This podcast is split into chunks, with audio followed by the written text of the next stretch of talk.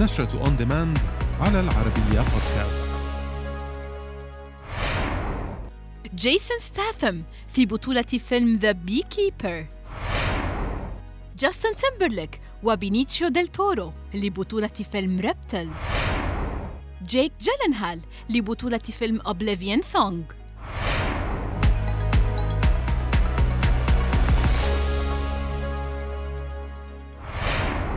اختارت شركة ميرا ماكس النجم جيسون ستيثم لبطولة فيلمها القادم The Bee Keeper من تأليف كيرت ويمر.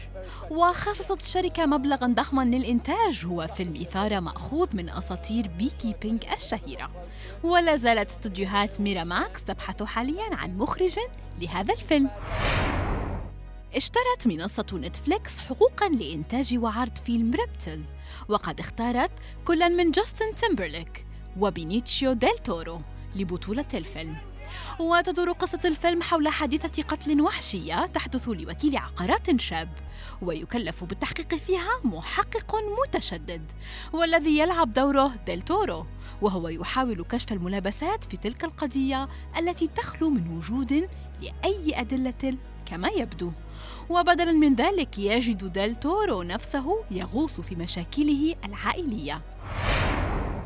أعلنت شركة نيو ريبابليك بيكتشرز أنها اشترت حقوق فيلم الخيال العلمي Oblivion Song واختير النجم جيك جيلنهال لبطولته. الفيلم مقتبس من القصص المصورة ويروي قصة رجل يدعى نيثن كول يقوم برحلات يومية لمحاولة إنقاذ مجموعة من البشر ما زالوا يعيشون في جحيم النسيان المروع وهو جزء من ولاية فيلادلفيا تم فقده قبل عقد من الزمن. أطلقت 20th Century Studios عرضاً ترويجياً جديداً لفيلم The King's Man والذي سيعرض في الثاني عشر من ديسمبر المقبل. وتدور أحداث الفيلم حول مجموعة من أسوأ العقول الإجرامية التي تتجمع للتخطيط لحرب للقضاء على الملايين.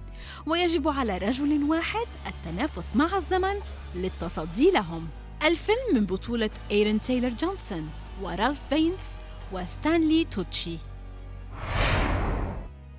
طرحت أمازون برايم العرض الترويجي للموسم الرابع والأخير لمسلسل جولياث من بطولة بيلي بوب ثورنتون وتانيا ريموند. ويعود المحامي بيلي ماكبرايد في الموسم الأخير إلى جذوره الكبيرة في القانون بعد أن تولت باتي وظيفة في شركة محاماة مرموقة في سان فرانسيسكو. يحاولون معا القضاء على واحدة من أكثر الشركات العملاقة غدرا في أمريكا.